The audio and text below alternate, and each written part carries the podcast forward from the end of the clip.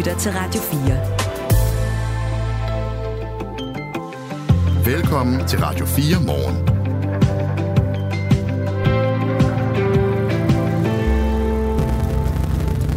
Jeg skulle lige tjekke, om jinglerne var okay. Det er de simpelthen ikke. Kan du høre det? Hvad er det? Det skulle forestille at være vores jingle. Ja. Den bliver lidt hård dans med den der. Jeg ved ikke, om vi skal slukke den igen. Det lyder som en knaller, der ikke rigtig... Åh, oh, tak. Nå, ja, øh, ja, interessant. wow.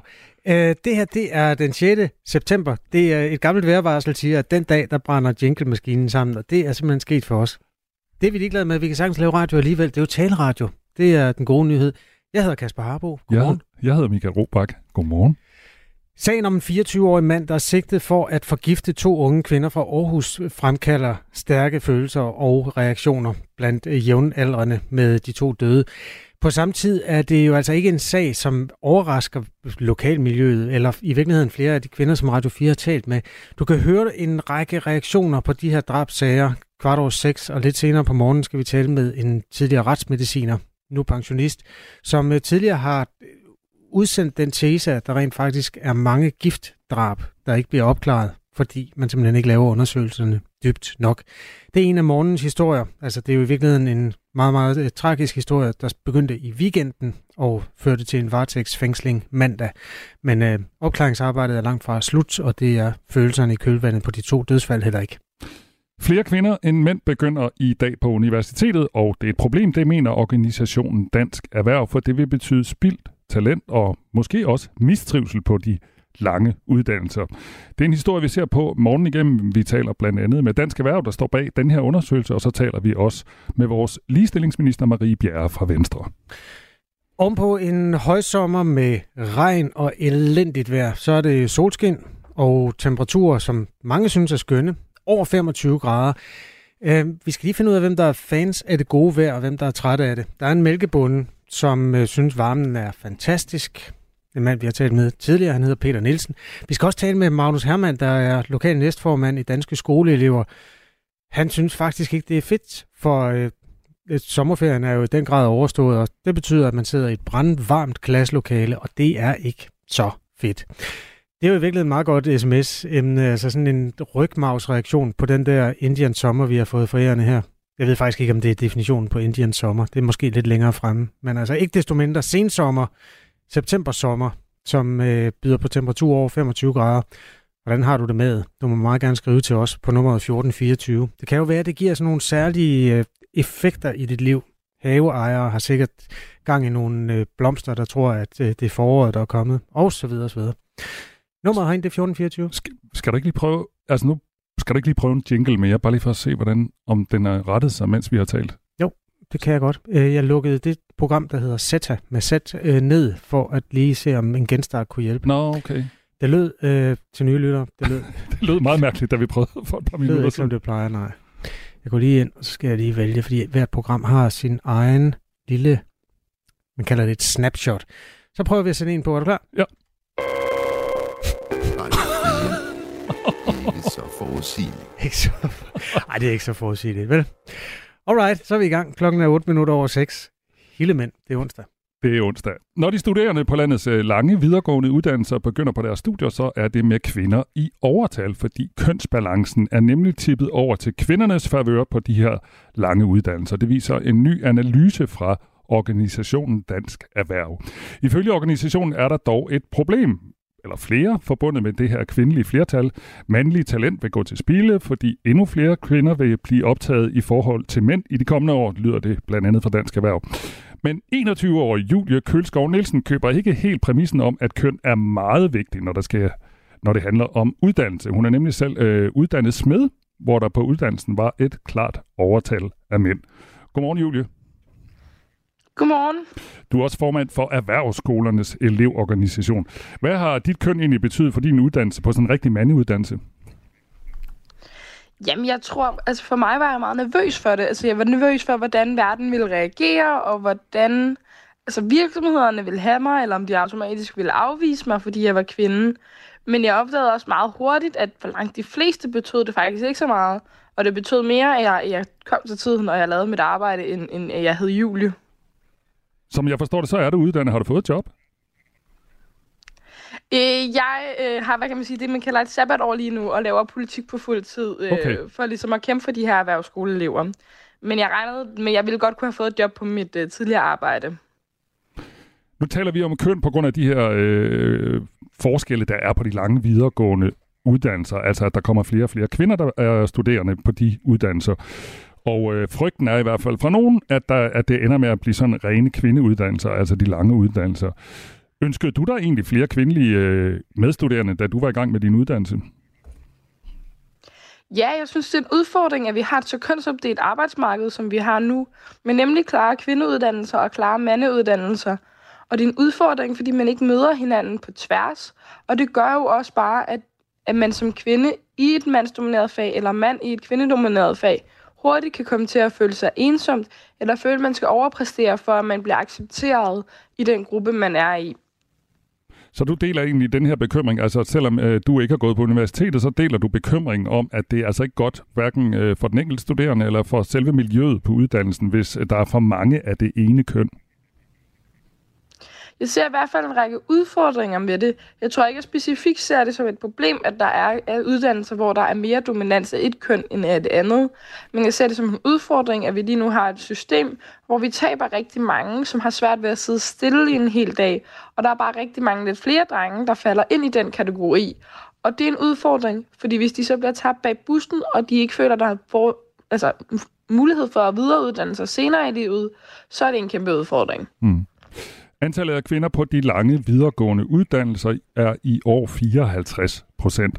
Dansk Erhverv frygter, at mændene derfor ender med at være underuddannede. Der er stadig næsten ingen mænd, der for eksempel øh, arbejder som sygeplejersker eller socioassistenter, så der er stadigvæk den her øh, gamle, som vi kender, øh, kønsfordeling øh, med rigtig mange kvinder, der gerne vil være sygeplejersker. Det ser dermed ud til, at der bliver flere ufaglærte mænd med lange perioder uden for arbejdsmarkedet. Dansk Erhverv de peger på, at der er et eller andet øh, i uddannelsessystemet, der gør, at drenge ikke klarer sig øh, så godt som pigerne, eller øh, øh, øh, kvinderne som mændene eller mændene som kvinderne må være.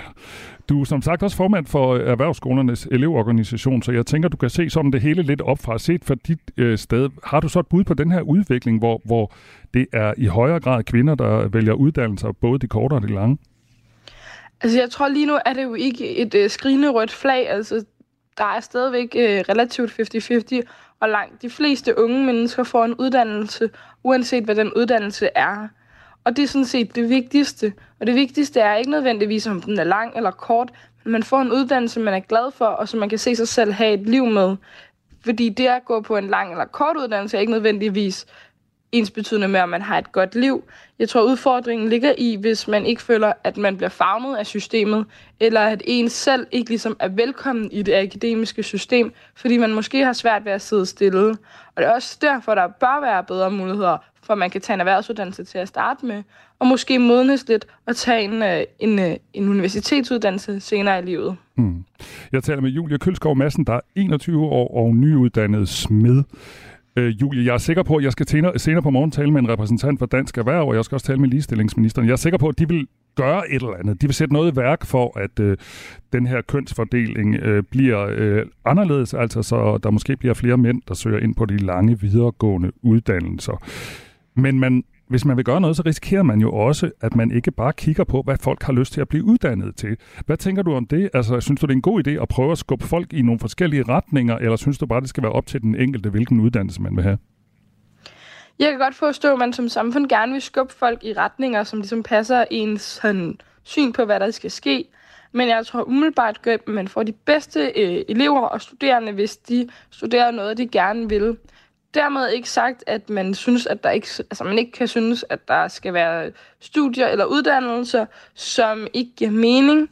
Men jeg tror, at langt de færreste unge mennesker har lyst til at uddanne sig til arbejdsløshed. Så hvis man lader de unge følge den strøm, som bare passionerer en selv, og som også kan give noget i den anden ende, så tror jeg i sidste ende, at man vil få bedre, unge, altså bedre arbejdskraft, end hvis man bare tvinger nogen til at tage en uddannelse, som de slet ikke har lyst til at tage. Sådan sagde Julie Kølskov Madsen, som er nyuddannet med. Tak fordi du var med i Radio 4 morgen. Jo, tak. Og øh, klokken lidt over syv, der taler vi med Dansk Erhverv, som altså står bag den her undersøgelse, og øh, vi spørger dem selvfølgelig, hvorfor de er bekymrede over det her med, at øh, kvinderne overhaler mændene på de lange videregående uddannelser, og også om man bør gøre noget ved det. Klokken den er kvart over seks. Du skal lytte til Overskud, fordi du bliver klogere på din egen økonomi. Vært Sofie Østegård hjælper dig med at få mest muligt ud af dine penge. Jeg tror nærmest ikke, det har været vigtigere at gå op i sin økonomi, end det er lige nu. Derfor får du de bedste råd fra vidne gæster og eksperter i Overskud på Radio 4. Selv den mindste økonomi, der kan man altså finde en lille bitte smule at rykke rundt på. Lyt til Overskud i Radio 4's app, eller der, hvor du lytter til podcast. Mine tre bedste råd, det er gør det, gør noget og gør det nu. Radio 4. Ikke så forudsigeligt. Nej, øh, lad os lige høre, hvordan jinglen lyder. Du lytter. Nej, det er stadig helt galt. Nå, men øh, jeg håber, alle andre end jingle-maskinen har det godt den her onsdag, den øh, 6. i 9. Robak, øh, jeg kunne godt tænke mig lige at øh, vende mig mod den konservative formand, Søren Pape Poulsen. Ja. Han har siden Folketingsvalgets aftenen øh, fået et bestemt citat i hovedet rigtig mange gange. Ja, jeg så det godt i går. Men ja, der var en, der helt, helt seriøst spurgte mig på vejen herind. Går du af som formand? Så spurgte jeg. Så sagde jeg. Så sagde jeg, og jeg kiggede ham i øjnene, så sagde jeg, var det et seriøst spørgsmål? I går bragte Ekstrabladet et interview med Søren Pape Poulsen, hvor han også blev spurgt om, at det egentlig var det, han ville sige, hvis han fik spørgsmålet igen. Eller faktisk blev han spurgt, hvordan han har det med det spørgsmål i dag. Og Pape svarer egentlig meget sådan øh, åbenhjertigt. Jeg skal være ærlig at sige, at med det pres, jeg var under på det tidspunkt, der får jeg svaret forkert. Det var ikke særlig godt svaret, for man skal tage det her alvorligt, og det har jeg også gjort. Så det skulle jeg have svaret ordentligt på, siger han Søren Pape Poulsen. Så det var måske ikke så dumt et spørgsmål endda, når øh, noget, der lignede meningsmålinger på 15-16 procent, var blevet forvandlet til et valgresultat på godt og vel 4 procent øh, opbakning. Det var jo sagerne fra hans øh, privatliv, som jo i den sidste ende betød, at den her statsministerkandidatur, som han nåede at melde, mens det gik rigtig godt, den blev vendt til fortællingen om et kæmpe valgnederlag. Og nu øh, rumler det jo altså i det konservative bagland. Der er 22 indtil videre, der har støttet en kandidat til Europaparlamentet, som Søren Pape bestemt ikke synes skal i Europaparlamentet. Og det er en budbringer om, at øhm, tilfredsheden med formanden er knap så stor. Har du noget? Nej, jeg undrede mig bare over det, da jeg læste det i går, men altså, at han fortryder det der, fordi jeg tænker, det var jo netop sagt i et øjebliks øh, kodhed øh, på en valgaften, men det er jo selvfølgelig, fordi han lige nu er ved at inddæmme øh, den uro, som du også lige nævnte, som er de konservative lige nu. Men jeg var sådan lidt overrasket over det faktisk. En af nyhederne er jo, at han giver interviews om, at der er en form for uro. Og det siger han jo, øh, det står han jo trods alt ved. Dog øh, slår han jo fast, at det er ham, der står i spidsen. Hvis ikke der var opbakning til mig, så stod jeg heller ikke. Jeg har masser af energi og vilje og meget politik. Vi skal frem med hele den konservative fortælling, som folk kan glæde sig til at høre mere om, kommer frem, siger han. Og øh, det er jo sådan set meget fint. Og der er jo heller ikke noget at sige til, at han gik under radaren et par måneder. Det er skide hårdt at blive skilt. Det, siger, det ved alle, der har prøvet det. Mm. Ikke desto mindre selvfølgelig også en, en håndtering, som ja, kunne aflæses direkte i meningsmålingerne. Derfor blev det op ad bakke for Søren Pape Poulsen på det tidspunkt. Vi har problemer med de der skillere, som det hedder på radiosprog. Var du færdig med Søren Pape? Undskyld. Ja. Godt. Vi har haft problemer med de der skillere, som det hedder på radiosprog, som er den der lille lyd, der kommer mellem nogle af de indslag, vi laver. Nu tror jeg måske, vi sådan af omveje har fået det løst. Skal vi lige prøve? Ja tak, det kunne være dejligt. Du lytter til Radio 4 morgen. Hold op, det lød godt. det lyder så godt. Klokken er 19 minutter over 6, og øh, nyhederne de er jo altså blandt andet domineret af en trist drabsag, som øh, faktisk er drab på to kvinder, øjensynligt, der har udspillet sig i den øh, vestlige del af Aarhus i bydelen Brabrand. Her er en 24-årig mand sigtet for at have dræbt to unge kvinder med narkotika eller gift. En kvinde på 23 år og en kvinde på 18 år er begge fundet livløse i mandens lejlighed i løbet af de sidste fem uger. Og det er på den baggrund, at politiet har anholdt og sigtet ham for manddrab. Begge kvinder afgik altså ved døden. På nuværende tidspunkt er politiet meget tidligt i efterforskningen, og der er stadig mange ting, som står hen i det uviste. uvisse. Men uanset hvad der er sket, så står det altså klart, at de her to unge kvinder har mistet livet, og det er noget, der gør indtryk på de jævnaldrende, som vi har talt med. Først skal du høre fra to veninder, der hedder Isabella og Asta. Det er også fordi det er tæt på. Jeg går selv i skole i Viby, øhm, så det er jo også forholdsvis tæt på, og har jo også venner og veninder i Brabrand og sådan noget, så det bliver hurtigt en stor ting. agtig Også fordi der har også lige været øh, her for ikke sådan så frygtelig lang tid, det med hende øh, Mia op fra Aalborg også. Øhm, så ja. Jamen, jeg tænkte, at det var vildt, det kunne ske i sådan et lille land som Danmark. Altså, det er sådan, man hører, skal ud i USA og sådan noget. Altså, man tænker måske mere over, hvor man går, og ikke går ind i sådan nogle gyder og sådan noget, og lige fortæller folk, hvor man er henne. Ja. Jamen, det tænker jeg også, det der med, at man så måske passer måske lidt bedre på sig selv og også på andre. Øhm, og ikke lader folk gå alene, og ikke selv gå alene og sådan noget. Mm. Sagen, der bliver refereret til her, er øh, drabet på den 22-årige studerende Mia Skadhauge, som øh, blev dræbt, og hvor der for nylig blev afsagt øh, dom over morderen. De to sager, eller tre sager er det jo, altså de to fra bydelen Brabrand i det vestlige Aarhus, har ikke noget at gøre med drabsagen fra Aalborg. Det er uafhængige hændelser, men ikke desto mindre er de altså bundet sammen af en frygt, der lærer sig i sindet. Blandt andet hos de her unge kvinder. Også søstrene Laura og Silje, som vores reporter mødte. Jamen, vi snakkede faktisk om det sammen, første gang jeg hører om det. Øh, så står vi og diskuterer det sammen, øh, og bliver først lidt chokeret, fordi det er nogle så unge personer og piger, der er dræbt, øh, som vi selv, altså også unge, så nærmest kan relatere til på en eller anden måde. Så jeg tror mere, det var, det var meget det, at, øh, at, at det er nogle så unge kvinder, der er blevet dræbt, og at drabssagen er ukendt, og at det først ikke blev anset som en forbrydelse, men nu hvor der er sket to drabsfald, så linker man dem sammen på en eller anden måde, og det er det, der er lidt uhyggeligt på en eller anden måde. Politiet ikke kan sige mere om, hvad der har været sket. Øh, jamen nu som Laura sagde, så snakkede vi jo om det til at starte med, så det er jo meget i samme tanker. Øh, hvad hedder det? Alderen er nok helt klart det, at, at man på en eller anden måde kan, kan sætte sig lidt selv i det. Men, men derudover, så synes jeg ikke som sådan, at det kommer tættere på livet end det. Øh, Nej, hvorfor ikke? Øh, jamen fordi jeg, det, det er sket i det private, hvis man kan sige det på den måde. Mm. Øhm, og, og det er jo selvfølgelig helt, helt forfærdeligt også.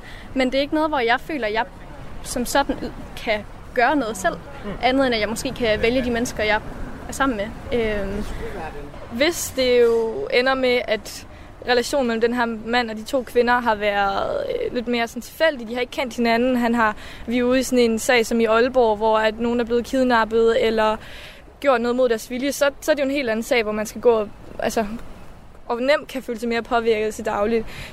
Men nu nævner du også den her sag fra, fra Aalborg, altså, som jo også var en sag, der blev snakket meget om, ikke? og det var, det var også en ung kvinde. Hvad gør det ved jer, som unge kvinder, at, at det er noget, man, man ligesom lever med, og, og det er noget, man sådan kontinuerligt snakker om, når de her sager kommer? Øh, jamen, jeg tror i hvert fald, det får mig til at tænke på, at jeg hele tiden skal have et sikkerhedsnet. At altså, på en eller anden måde befinder jeg mig ude i byen øh, om aftenen, for eksempel, lignende, så skal jeg vide, at jeg har nogen siden af mig. Jeg gør det ikke alene, men jeg ved ikke, hvor meget det er en, altså en bevidst øh, handling, eller om det bare er sådan, jeg har det bedst. Ja, jeg tror egentlig, jeg er meget enig, men jeg tror også, det er vigtigt for mig, at, at bevare en eller anden tillid til, til folkene i byen, og ikke at tage det øh, så tæt ind til sig. Altså, jeg går ikke rundt og er bange for, at der er nogen, der ønsker mig ondt over hovedet, og ønsker at gøre mig fortrædet. Øh, jeg tror, det, vi har, det er virkelig få mennesker, der er gale i hovedet, og man skal have fat i, i dem, der er syge, øh, og at det skal ikke påvirke mig til daglig. Øh, det er i hvert fald vigtigt for mig, det synes jeg heller ikke, det gør. Østjyllands politi formoder, at de to kvinder er blevet forgiftet. Enten ved hjælp af narkotika eller et andet stof. Det har politiet ikke været åbne omkring endnu. Øh, politiet oplyser i en pressemeddelelse, at den sigtede og de to kvinder har haft forudgående kendskab til hinanden. Hvad det består i, er ikke øh, meldt ud i pressemeddelelsen. Netop det her med det sporadiske kendskab til, hvad der er foregået i lejligheden, er også noget, man spørger sig selv om i lokalområdet. Den her lejlighed, hvor de to kvinder er døde, ligger i Gellerup-parken, som er en del af Brabrand bydelen. Området er på det, man kalder ghetto-listen, eller Indrigs- og Boligministeriets liste over parallelt samfund. Øh, Helle Hansen er formand for Gellerup Fællesråd, og det undrer hende, at ingen har hørt om hverken den sigtede eller pigerne. Jeg ser politibilerne der forleden aften. Der kommer selv lige kørende forbi og stopper sådan set op, fordi jeg, jeg ser, der er øh, bundet af og sådan noget. Og så er det, har jeg en kollega, der havde set noget på nettet lige samtidig der. Hun sender mig så en sms, hvor der så står noget om, der er fundet en, der er død oppe i lejligheden. Ikke? Og så er det jo vel først dagen efter, at vi så får den der oplysning om, at der var en død tidligere, eller død efter at have været der tidligere. Og det lyder jo mærkeligt, hvad det er, der foregår. Og det gør det jo stadigvæk, fordi vi ved jo ikke, hvad det er, der er foregået. Det er en lidt mærkelig historie af nogle af os, der synes, øh, fordi vi ved ikke, der er ikke nogen af os, der sådan kender personen, der bor der, og umiddelbart er der ikke nogen, der sådan, jeg kender, der kender hvem øh, de piger skulle være. Øh, så, så hvis nu det var en, man havde kendt, så havde det måske været mere øh, samtale om det. Altså, man går jo og, og ved ikke noget. Ja, altså, det der er mest i det, er, det er jo noget, der er sket. Øh, og det, det sker jo nogle gange et eller andet sted i Danmark. Nu er det så lige sket herinde i en, en opgang, øh, som er sådan en lidt særlig opgang her i Gellerparken, fordi det er en af de her ombyggede blokke, hvor, hvor den her opgang er sådan en speciel en. Og øh, den person, der bor der, øh, for at kunne få sådan en lejlighed, så skal man være i job eller uddannelse, og man skal have rent straffeattest og sådan noget. Det er ikke enhver, der kan flytte ind derover, fordi det er nogle af de her ombyggede lejligheder, der sådan er fortrins til pendlere, der skulle komme udefra. Og det er sandsynligvis ikke en, der har boet i området i ret lang tid. Men, men jeg tror ikke, det er noget som sådan, der er relateret til, til Gellerup, hvis man kunne sige, at det havde noget med bander eller et eller andet der. Det er bare et tilfælde. Og man synes, det er ærgerligt, det er foregået, Mm, men, men også sådan, nu må politiet finde ud af, hvad der er sket. Helle Hansen er altså formand for Gellerup Fællesråd, det område, hvor den sigtede havde den lejlighed, som de to unge kvinder blev fundet i, og hvor de altså efterfølgende, undskyld, efterfølgende døde. Kvart i otte skal vi tale med øh, tidligere retsmediciner og statsopdocent Jørgen Lange Thomsen. Og det skal vi, fordi politiet altså formoder, at det her det er to øh, drab, der er begået med en form for gift.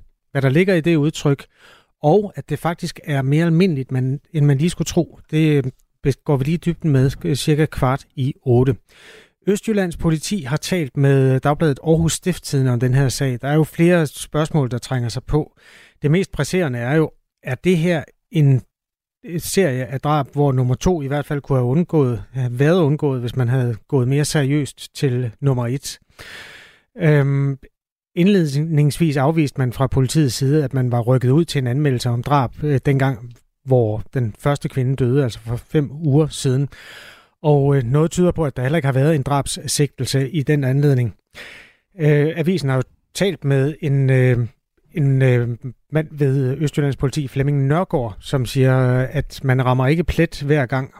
Øh, man anerkender pressens funktion og synes også, man er god til at være åbne om, øh, om de her processer, som man har. Men den her gik man altså stille med af forskellige grunde. Det er øh, en sag, som vi kommer til at følge rigtig meget med i, i Radio 4 morgen efterhånden, som der kommer nyheder både fra politiet, eller måske fra anden hånd i forhold til den her triste sag, som har kostet to unge kvinder livet. Lige nu er klokken 6.28. Ja, og skal vi ikke bare lige for en god ordens skyld tilføje, at den her mand, som altså blev forleden blev varetægtsfængslet i fire uger, han altså nægter så skyldig. Jo, det er en væsentlig. Du lytter til Radio 4 morgen. Oplysning. Kasper, øh, en gang var det i hvert fald uhøfligt at spørge en kvinde om hendes alder. Jeg ved ikke, om, jeg ved ikke, om det også er uhøfligt at spørge en mand om hans højde. Det, det ved jeg det heller ikke. Hvor, er høj, det det? hvor høj er du? 1,78,5 står der i. Okay, jamen så er du jo sådan set garterhøj. Nå, det var da godt nyt. Ja, fordi det har været sådan hidtil, hidtil Ja. at øh, mænd skulle minimum være 1,75 for at blive garter, og kvinder 1,69. Men pressemeddelelse kommet ud her for 5 minutter siden. Nu dropper man de der krav. Så nu er der altså ikke noget, der hedder garderhøjt længere. Nu øh, skal alle kunne blive en del af livgarden, uanset hvor højt man er. Og derfor så afskaffer forsvaret nu de her særlige højdekrav. Og i en pressemeddelelse, som lige er kommet ud, der hedder det, de hidtidige højdekrav ved den kongelige livgarde giver ikke operativ mening, og derfor fjerner vi den. Der skal ikke være særlige krav til højde, hvis ikke det er operativt begrundet, siger chefen for Herkommandoen Gunnar Arbe Nielsen i den her pressemeddelelse. Det, der ligger mellem linjerne der i ordet operativ, hæfter jeg mig ved. Jeg har Ja, selv ja. været soldat. Nå, jeg har ikke været soldat. Hvad betyder det? Jamen operativ, det betyder jo, at Livgardens primære funktion sådan set ikke er at tribe rundt nytårsaften. Den er altså, at man er soldat. Ja. Og det er jo en virkelighed, der har indfundet sig på nye måder. Og jeg vil da sige, fra min soldatertid, jeg kan huske nogle af de mest ihærdige, brølstærke unge mænd, som jeg var øh, i kompani med. Altså, det var, det var de mindste. Fordi, jeg ved ikke, om, om der følger noget med, at man bliver nødt til at knokle lidt hårdere eller sådan noget. Men øh, altså operativ, det betyder jo, om, om du er en god soldat. Og der tror jeg egentlig ikke, det er nogen fordel at være 1,95. Det er jo dybest set nemmere at skyde en høj mand end en lav. Pressemeddelelsen den siger ikke rigtig noget om, hvorfor at det egentlig har været et krav på et eller andet tidspunkt, at man skulle være så høj. Jeg ved ikke, om det, har, om det også har været noget kosmetisk, skulle jeg til at sige, om det så godt ud, hvis man var høj, når man stod der ved Amalienborg. Det tror jeg er et virkelig godt bud. Klokken, den er blevet halv syv. Nu er der er nyheder på Radio 4. Kommunernes evne til at skaffe den nødvendige arbejdskraft er blevet en endnu vigtigere faktor for danske virksomheders evne til at skabe vækst, end den har været. Det viser Dansk Industris årlige rundspørg om lokal erhvervsvenlighed, hvor knap 8.000 virksomheder har svaret på, hvor godt deres hjemkommune klarer sig på en række parametre, og hvor infrastruktur i mange år har været den vigtigste enkeltfaktor for de adspurgte virksomheder, har arbejdskraft ligget nummer et de seneste to år. Der har været en afmatning af dansk økonomi i 2023, men det ændrer ikke ved, at arbejdskraft er virksomhedernes største problem, og de beder om kommunernes hjælp. Virksomhederne siger nej til ordre, fordi de ikke kan få de rette medarbejdere, og det går i sidste ende ud over Danmarks økonomi og penge til velfærd, siger vicedirektør i Dansk Industri, Sten Nielsen. Undersøgelsen viser, at en række jyske kommuner scorer højt på evnen til at tiltrække arbejdskraft. Således ligger henholdsvis Hedensted, Bilund og Vejen øverst på rang ranglisten i denne kategori, hvor de 12 øverst placerede er pladser er besat af kommuner, som ligger vest for Lillebælt. Middelfart sniger sig ind på en 13. plads, og Gentofte er den højst placerede kommune på Sjælland med en 15. plads. Bundpladserne indtages af Vordingborg, Nyborg og Ishøj. Generelt bedømmes kommunernes indsats for at skaffe ledige hænder dog højere end sidste år. Kommunerne er begyndt at opruste på tiltrækning og fastholdelse af arbejdskraft, og jeg håber, at det fortsætter i årene, der kommer, for problemet vil vare ved, siger Sten Nielsen. Her til aften offentliggøres det, hvilken kommune, der samlet set er Danmarks mest erhvervsvenlige. Det er 14 år, at prisen uddeles, og sidste år løb Vejen Kommune med hederen. Alle skal kunne blive en del af den kongelige livgarde, uanset hvor høj eller lav man er. Derfor afskaffer forsvaret nu de særlige højdekrav ved den kongelige livgarde, sådan lyder det i en pressemeddelelse her til morgen. De hidtidige højdekrav ved den kongelige livgarde giver ikke operativ mening, derfor fjerner vi dem. Der skal ikke være særlige krav til højde, hvis det ikke er operativt begrundet, siger chefen for herrekommandoen Gunnar Arbe Nielsen. Kravene har indtil nu været, at mænd minimum skulle være 1,75 høje og kvinder 1,69 høje for at gøre tjeneste. De ændrede vilkår træder i kraft i 2024. Forsvaret skriver i pressemeddelelsen, at højdekravet blandt andet fjerdes, fordi det ikke gav lige mulighed for optagelse mellem kønnene.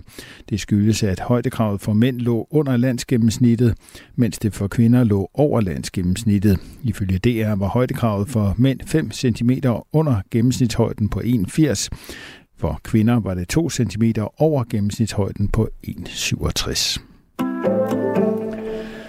Glohede skovbrænde er blevet afløst af piskende regnskyld i forbindelse med stormen Daniel i Grækenland, hvor indbyggerne på ny gennemlever et dødeligt vejrfænomen.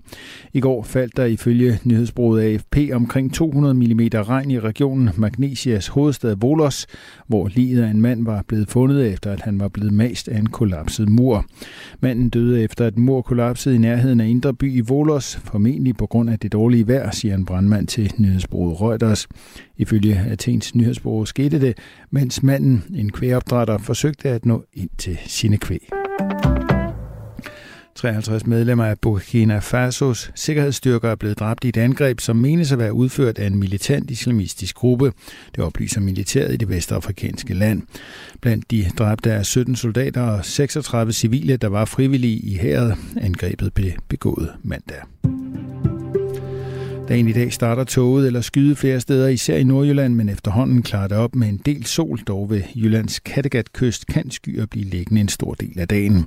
Temperaturer i dag er op mellem 20 og 27 grader. Det her er Radio 4 morgen. Husk, at du kan sende os en sms på 1424. Godmorgen og velkommen til den her onsdags udgave af en 6. september. Der, det er dejligt vejr, det vender vi tilbage til. Det vender vi i den grad tilbage til, fordi vi skal tale med en, der er rigtig, rigtig glad for det gode vejr. Det er en landmand, han hedder Peter Nielsen.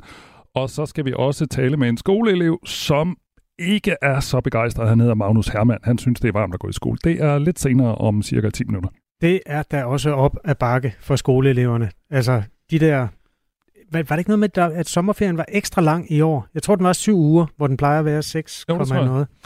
Og det var så de syv uger, hvor der var dårligt vejr? Det var syv ugers regn og pisk og alt muligt. Så jeg forstår dem godt. Mm. Jeg deler deres sådan fortvivlelse, vil jeg så sige, men, men er det omvendt. Bedre? Undskyld, er det ikke bedre, at vejret er godt, også selvom man lige skal lidt i skole? Jo, jo, altså nu. Ja. Jo, altså det der med at gå hjem en aften i september i, med bare arme, det synes jeg stadigvæk kan noget. Det er da fantastisk. Øh, og vi gider ikke tage klimavinkel, men den, den tog du i mandags. Jamen, jeg spurgte Andreas Nyholm, som vi havde igennem fra TV2-været, fordi i de her tider, så skal man jo lige altid afveje, er det forbundet med klimaskam, hvis man glæder sig over det gode vejr? Åh, oh, Gud. Ja, men sådan er det, Kasper. Ja. Og han sagde, at lige præcis det her gode vejr har altså ikke en skid med klimaet at gøre. Så oh, du kan, ja, du kan bare nyde det hele. Jeg elsker Andreas Nyholm. ja. Steve har skrevet til os, slap nu af med det vejr og nyd det. I medier gør som om det aldrig nogensinde har været varmt og solrigt i september. Sommeren slutter i øvrigt officielt omkring 21. september. Det er kun i Danmark, at vi runder ned med dato, påpeger Steve. Aha.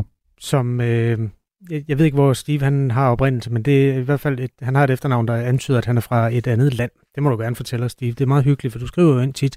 Og manden har ret. Altså, vi laver jo midsommer den øh, 21. eller jævndøgn hedder det, naturligvis. Og det er noget med, hvornår den længste dag er og sådan noget. Det er der, man officielt skyder sommeren i gang. Så øh, hvis sommeren begynder den 20. 21. juni, så slutter den vel også først den 20. 21. september. Og det er så åbenbart gået op for dem, der laver vejret. Altså ikke Nyholm, men dem, der laver det rigtige vejr. Klokken er 6.36. Du lytter til Radio 4 morgen.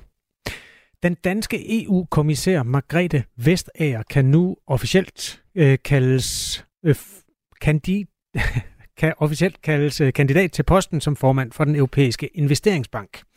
Det her er øh, en historie, som egentlig kom fra Vestager selv. Allerede i juni fortalte hun, at hun ønskede at stille op, og nu har hun fået regeringens godkendelse til at søge det her job. Kandidaturs, øh, kandidaturen fra Vestager, der øh, betyder altså, at vi kan få en dansker til at sidde som formand for en meget vigtig toppost i Europa. Men hun stiller også den danske regering i en presset situation, og det skal vi tale med Thomas Lauritsen om, der er Europa-analytiker for mediet Altinget. Godmorgen. Godmorgen. Inden vi dykker ned i, hvordan det her stiller den danske regering, så bliver du nødt til at hjælpe os med at forstå, hvad den europæiske investeringsbank egentlig er. Hvad er det? Ja, det er rigtigt. Det er jo ikke en institution, vi hører så meget om til daglig, men det er faktisk en meget, meget vigtig bank. Det er verdens største multilaterale bank. Det er EU's egen bank, øh, Øh, og kapitalen i den bliver stillet til rådighed af de 27 medlemslande i EU. Og det er en bank, som kan låne penge til store projekter, udviklingsprojekter, industriprojekter, grønne projekter, primært inden for EU, men også uden for EU, for eksempel i Afrika. Øh, den lånte bare sidste år øh, næsten 500 milliarder kroner ud. Så det er en meget, meget vigtig institution. Inden vi dykker ned i det her for alvor, så vil jeg lige komme med en lille faktaboks. Jeg taler altså med Thomas Lauritsen, der er Europa-analytiker for mediet Altinget. Margrethe Vesthager havde indtil i går, hvor hun tog overlov, siddet som dansk EU-kommissær i Europa-kommissionen. Hun har været næstformand for kommissionen med ansvar for blandt andet konkurrence og digital udvikling. Det var der nok nogle stykker, der øh, lagde mærke til, dengang øh, der blev uddelt store bøder til øh, virksomheder, der var på kant med konkurrencereglerne. Hun tager altså overlov fra begge de her embeder for at fokusere på sit kandidatur til formandsposten for den europæiske investeringsbank. Udover øh, Margrethe Vestager, så er der fire andre kandidater. Der er en undskyld, øh, Spaniens finansminister, der er en investeringsbank, øh, eller to faktisk næstformænd fra øh, investeringsbankens nuværende ledelse, og så er der vice-nationalbankdirektøren fra Italien. Så det er altså også folk, der er vant til at have penge mellem hænderne. Øh, Thomas Lauritsen, øh, hvor magtfuld er den her post? Altså, hvor meget bestemmer man, når man sidder der? som, øh, altså man kalder det formand for den europæiske investeringsbank, men det er egentlig direktøren altså den øverste daglige chef. Øh, de sidste næsten 12 år har det været tyskeren Werner Højer, der har siddet i den position, øh, og han går sig af her ved udgangen af året. Og det er en meget magtfuld og vigtig position, fordi at man kan få kraftig indflydelse på, øh, hvor mange af de her mange, mange milliarder, der skal lånes ud til forskellige projekter. Det er selvfølgelig ikke noget, chefen bestemmer alene, men man har stor indflydelse på det. Og den her bank er også blevet vigtigere og vigtigere i de senere år. Den bliver bliver brugt rigtig meget til at give lån til den grønne omstilling i Europa, øh, og der, øh, det ser også ud til, at den vil komme til at spille en vigtig rolle i genopbygningen af Ukraine efter krigen. Er der øh, nogen chance for, at man kan drive fordel af det som land betragtet? Altså, jeg ved godt, at Danmark er jo øh, velbeslået sådan i europæisk sammenhæng, men ikke desto mindre, altså er der nogen forhistorie for, at det er en fordel for et land at have et menneske siddende der? Altså, det, det, det er jo altid en fordel for et land øh, at have en, øh, en person fra sin egen nationalitet i toppen af, af store internationale institutioner.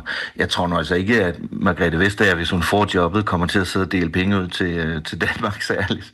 Øh, men det har en betydning i den forstand, at den opfattelse, man har af, hvad der skal gives af lån, hvilken type lån, øh, vil, vil jo blive præg person, der har jobbet. Beslutningen om, hvem der får denne her post, den bliver taget af EU's finans- og økonomiministre. Og vi har jo lige fået en ny økonomiminister. Det er Venstres formand Jakob Ellemann Jensen, der altså skal argumentere for, hvorfor han på den danske regerings vegne mener, at det er Vestager, der skal have posten. Nu er der måske ikke så langt mellem Venstre og radikale Venstre, som der har været, men øh, ikke desto mindre, så er det jo ikke ligefrem en partifælde. Øh, hvordan øh, oplever du den situation, at øh, det er ham, der skal føre ordet der? Det, det er en sjov situation, øh, og det bliver helt konkret her om, om et, bare et par uger. Den 15. og 16. september er der et øh, uformelt finansministermøde i øh, den spanske by Santiago de Compostela, hvor de skal have en diskussion om det her. Og det bliver, som du siger, Jakob Ellemann, der skal forsvare Vestagers kandidatur. Jeg tror ikke, det bliver så, øh, så akavet, som man måske kunne forestille sig. I en europæisk sammenhæng sidder Venstre og de radikale jo i den samme gruppe og en del af den samme politiske liberale familie i Europa. Så måske passer det egentlig meget godt, at det er ham og ikke en socialdemokratisk minister, kan man sige. Øh, men det bliver rigtigt. Det bliver hans opgave, og det bliver øvrigt også Jacob Ellemands første øh, økonomi- og finansministermøde i EU som dansk økonomiminister.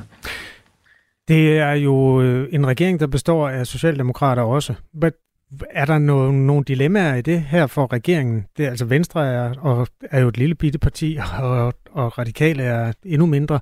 Altså, det er jo Socialdemokraterne, der er det største parti. Hvor, man kunne da forestille sig, at statsministeren hellere vil have en socialdemokrat i tops der. Ja, det kunne man da godt. Øh, altså, øh, og, og man kan da også altså, bide mærke i, at selvom selvfølgelig får Margrethe Vestager den danske regerings opbakning til det her, i praksis var det erhvervsminister Morten Bødskov faktisk, der sendte det formelle brev afsted øh, i aftes om, at hun øh, er kandidat for Danmark. Så hun har Danmarks støtte, men man kan da godt lægge mærke til, at det er jo ikke sådan, at statsministeren og resten af regeringen har været ude og råbe og skrige ud over tagene, hvor lykkelige de er over, at Vestager nu øh, søger det her job. Øh, men det er altså noget, Vestager selv har ønsket, øh, og så har hun bedt om regeringens opbakning og fået den. Øh, så nu øh, er hun gået på overlov fra EU-kommissionen. Vi har lige været igennem nogle måneder, hvor vi skulle tale om Mette Frederiksens muligheder for at komme til at stå i spidsen for NATO. Og der var en lille smule valgkampstemning, og det hele det fes ud. Og jeg ved simpelthen ikke, om vi overgår det en gang til, Thomas Lauritsen. Kan du ikke engang for alle sige, om det her det er realistisk eller ej? altså, øh, da, da Vestager selv annoncerede, at hun gerne ville have det her job tilbage i juni, der sagde alle folk, ja, jamen, så får hun det jo, fordi hun er bare den tungeste kandidat. Men så skete der det i løbet af sommeren, at, øh, at, at finansministeren fra Spanien, øh, Nadia Calvino hedder hun, hun meldte sig lige pludselig som kandidat også. Og hun er altså en meget, meget tung kandidat. Øh, hun har været finansminister længe i sit land, hun har været generaldirektør i kommissionen før, og Spanien har EU-formandskabet i øjeblikket øjeblikket. Faktisk er det Nadia Calvino, der er vært for det der møde i Spanien om et par uger, som jeg talte om. Mm. Øh, så hun er en tung kandidat, og derfor er det altså ikke sikkert, at Margrethe Vestager kan få det her job nu. Øh, men det, det, er det er bare super spændende, fordi at hun går jo på overlov nu allerede fra kommissionen. I første omgang er der så nogen, der afløser hende internt, men, men på et eller andet tidspunkt, så skal Danmark jo til at tænke over, hvem der så skal være kommissær i stedet for hende.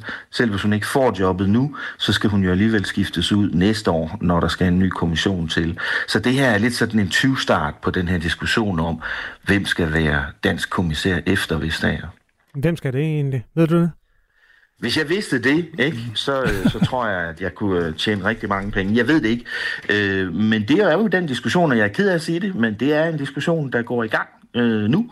Øh, jeg vil gætte på, at det skal være en socialdemokrat, fordi sidste gang, øh, da det Vestager blev udnævnt, var det jo en socialdemokratisk statsminister også. Det var jo Helle Thorning. Mm.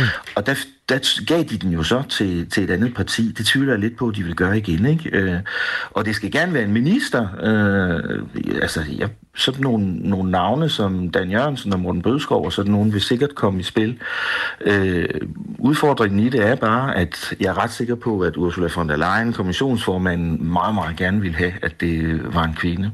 Så spørgsmålet er, om man kan finde en socialdemokratisk højtstående kvinde øh, og fremsætte som, som ny kommissær Jeg efter... kan, jeg kan komme i tanke om en, hun hedder Mette Frederiksen. Ja, det kan jeg godt forstå, du siger.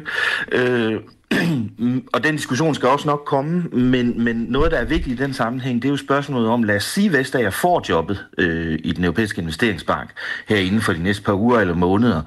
Skal Danmark så med det samme udpege den kommissær, der skal sidde på lang sigt, altså også de næste fem år, seks år, eller skal det bare være en vikar, en overgangsfigur indtil næste år?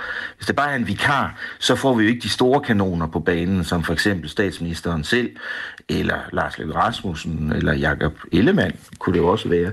Men hvis de vælger en vikar, og så tager det store øh, job, går efter det rigtig store job næste år, så er det ikke godt at vide, hvem der kunne komme i spil. Thomas Lauritsen, øh, der er mange visser i den her sag, men det, tak fordi du vil sætte os ind i det maskinrum og den mulige øh, domino-effekt, der kan komme i sådan europæisk politik, eller de danske Europa-spidser i virkeligheden. Tak skal du have. Var så lidt. Thomas Lauritsen er Europa-analytiker ved mediet Altinget. Det her er Radio 4 Morgen, og klokken er 14 minutter i syv. Du lytter til Radio 4 Morgen. Lige om lidt, øh, der skal vi tale om vejret. Det kan man jo altid tale om. Øh, men inden da, Kasper, så mellemlander vi lige på den her historie, der kom her til morgen, om at det der med at være garderhøj, det skal vi vende os til. Det er noget helt andet. For det har været sådan hidtil, hvis man vil ind i livgarden, at man skulle som mand være 1,75 høj, og kvinder skulle være 1,69 høj. Mm.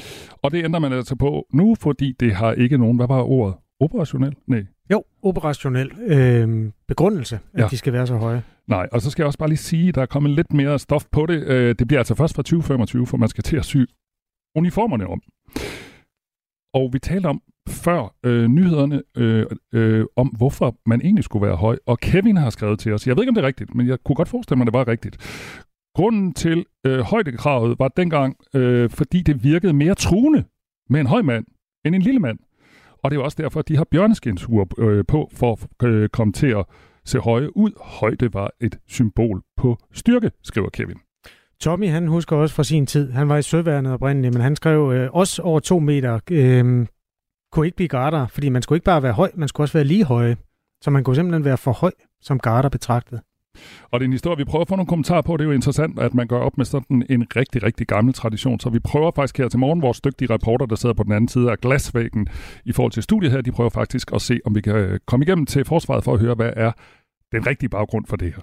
Der er også en øh, rigtig tøhøfyr, der skriver ind, en soldat på 1,74 er der ikke en mand. Det er sådan en klassisk mandedrilleri.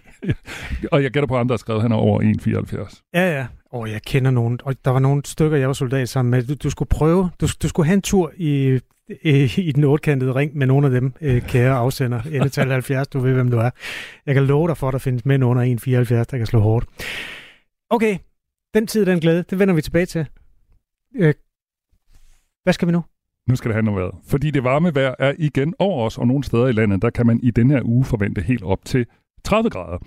Men hvem er egentlig fan af det her sene sommer, sommervejr, og hvem er ikke? Det kommer der et par bud på lige nu. Peter Nielsen er mælkebundet fra Lykstør og tilhører den gruppe, som er rigtig glad for, at varmen er tilbage. Godmorgen, Peter. Jo, godmorgen. Hvorfor er du glad for, at solen igen titter frem? Jamen, det er da skønt for os alle sammen lige at få en god gang varm her, inden vi går et år og vinter i møde. Så skal vi da lige have noget varme ind i vores kroppe og have leden varmet op, og så gemme det til vinteren. Nej, øh, og afgrøder, de er da gav nu lige at blive boostet, og vores, vores efter øh, altså, krøde afgrøder som, som majsen, som ikke øh, snitter insulering, endnu, de er gav nu lige at blive boostet og få lidt, få lidt, øh, lidt godt varme, så de kan lave nogle gode øh, majskerner, så der kan blive noget i popcorn til køren. Og, og, og alle, de, alle de nysåede afgrøder, vi har, de, de kommer da også godt fra start. Vi har fugten nu i jorden, og så, og så få en god gang varme. Det skal vi da bare være glade ved alle sammen lige nu. Så er du noget så sjældent som en landmand, der ikke brokker sig? Jamen, det er vi da i dag, og, og der er der også uh, egne her i landet, hvor de ikke er for godt færdige med at høste endnu. Der kan de da få bjerg nogle, nogle tørre kuren og, og få halme, få halme tørt og sådan noget. Så det, så det er da, det er da positivt, vi lige skal have sådan lidt, lidt varm her, her sidst i september, eller her i september. Det er jo det, vi kalder Indiens sommer. Godmorgen, Peter. Jeg har også lidt spørgsmål. Kasper her. Ja. Øh, jeg talte med dig under, øh, altså, dengang, hvor tørken var overstået, og det regnede uafbrudt i en måned, der øh, fortalte du, at din muldvarpedræbermand, øh, ham der tog sig af muldvarpene på din jord, han havde... Øh, ja, han fortalte, at der stadigvæk var knæstørt, når man kom de der 80-90 cm ned. Ej, ikke ånden. Han skulle ikke ånden en 15, 15, 15, 20 cm, så var det tørt. Okay. Og du kan stadigvæk, du kan stadigvæk gå ud i, uh, under nogle træer ved lægebælte, når jeg finder knæs tør jord. Men, Men altså generelt rundt på, på ved muldvarperne, der, de har fået fået ned til, ned til tæren dernede. Så. Okay, nej, men muldvarpene skal nok øh, klare sig så. De dør ikke af tørst. Men det er også fordi, jeg har set øh, sådan rundt omkring på strandinge og sådan noget, at der er sådan områder, der, der visner. Det ligner nærmest, der er nogen, der har givet det Roundup. Men altså, kan det være sådan en, en effekt af, at der stadigvæk sådan er, er tørke et stykke nede i jorden? Jamen, det er nok også fordi, at ting, ting i, ude på en stranding, de er ved at være herhen, at det er naturlig modning og, og, og græs og, og hvad nu der er ude på sådan ja, det, er, det visner. Okay. Fordi at, at, at vækstsæsonen er ved at slutte nu. Det er jo det er over for i år, sådan for alvor. Okay, det var også bare lige på vegne af haveejere og så videre. Jeg skulle lige høre sådan, have en pejling på, hvordan det står til i undergrunden. Peter Nielsen. Jamen, jamen. Ja, værsgo. Jamen altså, der, der er der fugt derude, og det tager, det tager da en halv vinter at få jorden totalt gennemblødt. Så til foråret, når vi skal der på markerne igen, så er de så, er de så svampe rød. Og så, så er vi, så jeg, nu vil vi gerne have tørvejr. Så, okay. Altså, det, det, er, det er charmen ved en landmand, og charmen med at arbejde med naturen. Det, det, det går op og ned og, og varme og kul hele tiden. Du er mælkebonde. Hvad siger køerne egentlig til den her varme? Er de lige så glade, som, ja, men øh, som det du kan er? godt, hvis, hvis, det der bliver 30 grader, min ventilator har sådan en kæmpe helikopter, der hænger på hovedet ind, de kører der på fuld drøn her om, om eftermiddagen inde ved køerne. Men altså, det er sådan ligesom om, fordi der lige er varmt herinde, og daghusen, de er jo ikke sådan gennem varme. Det er ikke sådan, det nu når der er været varmt i tre uger om sommeren, så trækker jeg ind, som vi siger. Så, så er det alt det varmt, lige med hvor du rører ved. Så, men så, det når jo ikke blive, bare fordi det er varmt her i en 3-4 dage. Så det er ikke så problematisk. Tak skal du have, fordi du lige gav dit øh, besøg med på, hvordan det vejret er, hvis man er mælkebonde, Peter Nielsen. Ha' en god dag. Tak for det. Så har vi, over. ja, tak. Så har vi også øh, Magnus Hermann med. Han er lokal næstformand i Danske Skoleelever. Godmorgen. Godmorgen. Og så går du i 8. klasse øh, på en skole i København, og I er lige begyndt på det nye skoleår. Du er ikke kun fan af det her varme vejr. Hvorfor ikke? Nej, vi, øh, vi oplever rigtig tit, at i vores klasselokaler, så bliver der simpelthen så varmt om sommeren, fordi vi ikke har nogen ordentlig måde at kontrollere det miljø, der er indenfor. Så I kan ikke bare åbne nogle vinduer? Øh, altså, vi prøver tit at åbne vinduer, men øh, ofte så hjælper vinduerne ikke sådan sønderligt meget, når vi ikke engang kan lave gennemtræk. Øh, og så oplever vi også tit, at hvis der så er andre børn ude at lege i skolegården, så øh, kommer der simpelthen så meget varm ind, hvis vi åbner vinduerne, at øh, så kan man stadig ikke få ordentlig undervisning. Hvordan påvirker varmen så øh, dig og dine klassekammerater, når I sidder der og i, i den steghede der og skal undervises?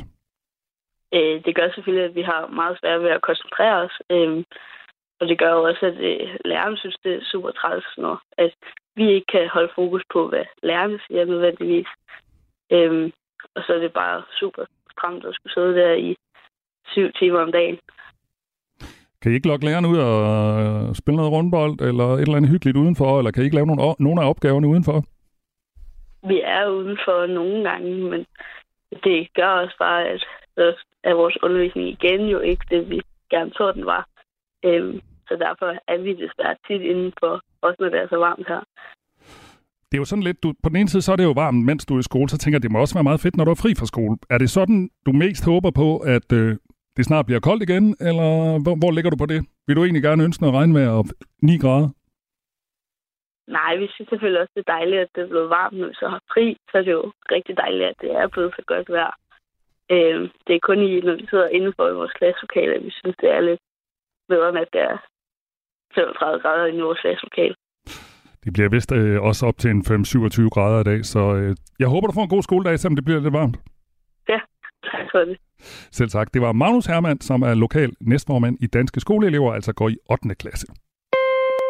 Radio 4. Ikke så forudsigeligt. Det skal være nemmere for tidligere udsendte soldater at blive anerkendt med post-traumatisk belastningsreaktion, altså PTSD. Det øh, var forsvarsminister Troels Lund Poulsen ude med i går, hvor det jo er flagdag for Danmarks udsendte og veteraner. Det kan betyde, at man ændrer i bevisførelsen, sådan protokollen, i forhold til, når en soldat kommer og vil påvise, at vedkommende har fået en arbejdsskade, altså en psykisk skade i form af PTSD, så er det ikke nødvendigvis længere ham, der skal bevise det. Men øh, Troels Lund Poulsen udelukker ikke i hvert fald at lave det om, så det nu er myndighederne, der skal omvendt sandsynliggøre, at soldaten ikke er blevet syg. Det lyder lidt kryptisk, men øh, det er i den sidste ende for at sørge for, at soldatens psykiske problemer får større anerkendelse.